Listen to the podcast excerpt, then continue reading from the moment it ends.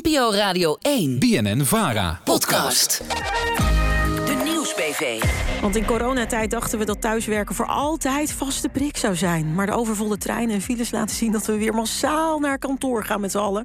Moet thuiswerken een recht worden? D66 vindt van wel. Hun voorstel werken waar je wil ligt nu bij de Eerste Kamer. En daar zijn ze nog niet helemaal overtuigd. Ik ga erover praten met Steven van Wijenberg van D66... die aan de wieg stond van dit voorstel. Goedemiddag, meneer van Wijenberg. Goedemiddag. Ja, werkt u zelf trouwens nog wel eens thuis?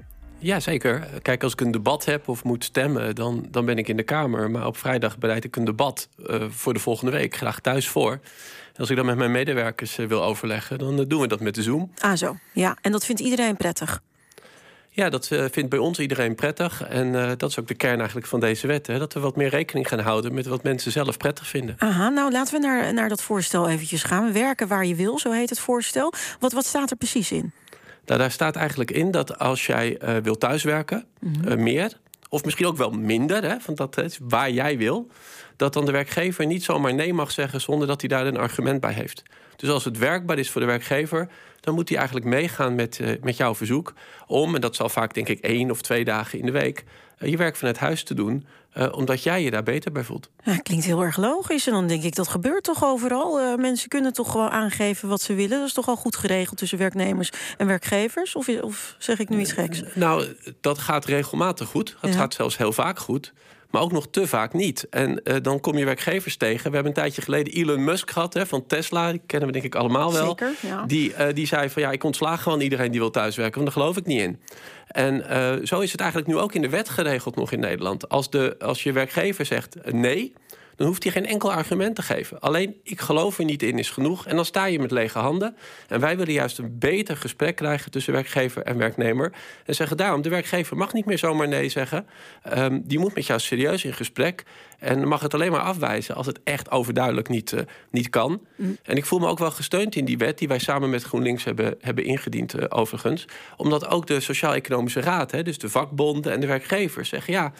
Maak het maar duidelijker in de wet. Van dan kunnen we dat thuiswerken beter ondersteunen. Beter vasthouden wat we hebben geleerd in coronatijd. En maak je ook een, een steun in de rug voor de werknemer. Nou, dus, dus veel partijen zijn voor. Uh, maar de Eerste Kamer die heeft nog zo zijn twijfels. Zijn er wat vragen die niet uh, uitgewerkt zijn? Bijvoorbeeld, nou laten we een paar doornemen. Wie controleert uh, bijvoorbeeld of de werkplek veilig is? Ja, om te beginnen hartstikke goed hè, dat de Eerste Kamer uh, vragen heeft. De wetgeving ja. is belangrijk. Dat moeten we ook in de Kamer. Hè. Als je sommige debatten kijkt, lijkt het wel of we de hele dag alleen maar ruzie maken. Maar goede wetten maken is de kern wat mij betreft voor de Tweede en de Eerste Kamer. Nou, daar hebben we dan, de Eerste Kamer no voor nodig, inderdaad. Nou, allebei. En, nou. Nou, in, de, in de Tweede Kamer waren er 125 van de 150 Kamerleden voor. En ik hoop natuurlijk in de, in de Eerste Kamer ook uh, zo'n uh, score te halen. Maar, maar terug, terug naar je vraag, want die is natuurlijk terecht. Kijk, de werkgever is verantwoordelijk voor een goede werkplek. Um, en dat hebben we ook weer in corona gezien. Ik sprak heel veel mensen die bijvoorbeeld uh, van hun uh, baas toen ze thuis moesten werken een, uh, een bureaustoel konden regelen. Mm -hmm. sommigen namen zelfs hun bureaustoel toe mee van kantoor. Maar als je een deel op kantoor en een deel thuis gaat werken, dan heb je er waarschijnlijk twee nodig. Ja. En, en daar kan de werkgever je bij helpen. En heel terecht dat daar ook vragen voor zijn, dat dat duidelijk is. Ja, maar goed, wie gaat dat controleren dan? Of het ook allemaal klopt? Ja, uiteindelijk is dat. Uh, we hebben de arbeidsinspectie, die ook controleert ja. of je in Nederland of je dat doet. En, um, en als werknemer heb je dus ook, uh, ook gewoon recht op die goede, goede werkplek. Nou, ik heb Ja. ook een groot vertrouwen in de vakbond. Dus dat, maar dit zijn dus precies de, de nieuwe vragen die eigenlijk steeds meer opkomen met dat uh, thuiswerken. Overigens ook voor al die mensen waar het nu al wel vanzelf goed gaat. Ja. En die dat steuntje in de rug van onze wet niet nodig hebben. zeker. Maar stel, ik kom bij mijn werkgever en ik zeg... nou ja, goed, ik wil graag thuiswerken. Daar heb ik gewoon ook recht op. Hè. Als, eh, als deze wet, dan moet mijn werkgever ook een bureaustoel gaan betalen. Misschien wil ik ook wel een aanpasbaar bureau. Misschien uh, mijn, mijn wifi-verbinding moet ook beter. Allerlei uh, dingen die worden, moeten worden geregeld. Ik heb daar recht op. Juist, al dit soort dingen. Dus uh, waar komen die kosten dan te liggen? Ja, maar tegenover die kosten staan ook heel veel voordelen voor werkgevers. Hè. Uh, er is onderzoek gedaan dat de productiviteit van je werknemers, hè, dus wat je presteert, dat die toe Ja, kan nemen ja, met Dat thuiswerken. zijn de voordelen dan. Maar waar komen die kosten te liggen? Nee, maar de werkgever zal dus kosten hebben, maar ook, ook baat. Hij heeft misschien minder werkplekken in, in zijn kantoor nodig. Mhm. en, uh, en hij heeft werknemers die misschien wel beter bij hem blijven. Nou, en als er één ding is waar werkgevers zich nu bezorgd over zijn, is het: vind ik nog wel genoeg mensen? Hè? Ja. Want het is een tekort aan, aan personeel. Nou, als je een blije werknemer, dus een blije werkgever. Dus als jouw werknemer minder stress heeft of zich voor een aantal klussen thuis bijvoorbeeld beter kan concentreren. Ik kan mij thuis beter concentreren als ik een wet moet voorbereiden dan in een drukke kantoortuin. Hmm. En nou, dat, dat geldt denk ik, veel mensen zullen dat herkennen. Dus er zijn ook allerlei voordelen tegenover. En, en werkgevers zien dat ook. Hè. Dat is ook de reden waarom ze deze Maar de wet kosten steunen. komen dus te liggen bij de werkgever. En wat nou als een werkgever zegt van ja, maar eh, dat is te duur. Kan niet.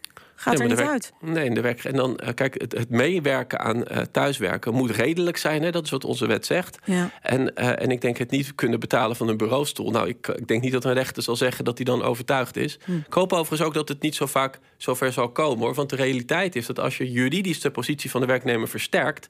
Dat blijkt ook op allerlei andere wetten op de arbeidsmarkt. Krijg je vaak juist minder procedures en geschillen. Omdat het veel duidelijker is al aan de voorkant. dat de werkgever gewoon geen poot heeft om op te staan. Ja. En dus ook meestal dan geen conflict ontstaat. En eh, wie gaat bepalen hoeveel dagen thuiswerken redelijk is? Ja, ik denk dat uiteindelijk eh, dat. Kijk, helemaal aan het einde van de rit bepaalt de rechter dat. En dat zal in elk geval anders zijn. Maar ik denk dat in corona hebben vele mensen hebben de hele week verplicht thuis moeten werken. Nou, ik ken niet heel veel mensen die dat nou heel motiverend vonden. Dus ik denk dat de praktijk zal worden dat de meeste mensen komen vragen om één of twee dagen in de week vanuit huis te werken. En ik denk heel veel werkgevers ook zullen zeggen: dat vind ik goed. Dat vind ik redelijk, ja. Dus Ja, dat en- is in, in, in overeenstemming met elkaar. Ja, en, en zegt u. uiteindelijk zal de Ja. rechter gaan, zal op basis van. eh, eh, het, het ging in het, in het nieuwsitem ook al over de, de uitspraken van rechters die soms duidelijkheid eh, geven. Mhm. ja. Dat zul je hier ook gaan krijgen. Ehm, maar 99% van de gevallen gaat dit vanzelf goed. En onze wet geeft ook nog een stok achter de rug, zodat die werknemer dit gesprek, denk ik, ook met iets meer zelfvertrouwen kan gaan voeren. Ja, ik hoop dat die stok overigens achter de deur ligt en niet in je rug tijdens het thuiswerken. Sorry. Dus, is, laat. eh, dit is- ik, eh, ik begin mij nu erg zorgen te maken over de arbeidsomstandigheden bij de, bij de publieke omroep. Maar dat, precies. Nee hoor, het gaat nog. Dank u wel, Steven van Weijenberg, Tweede Kamerlid voor D66.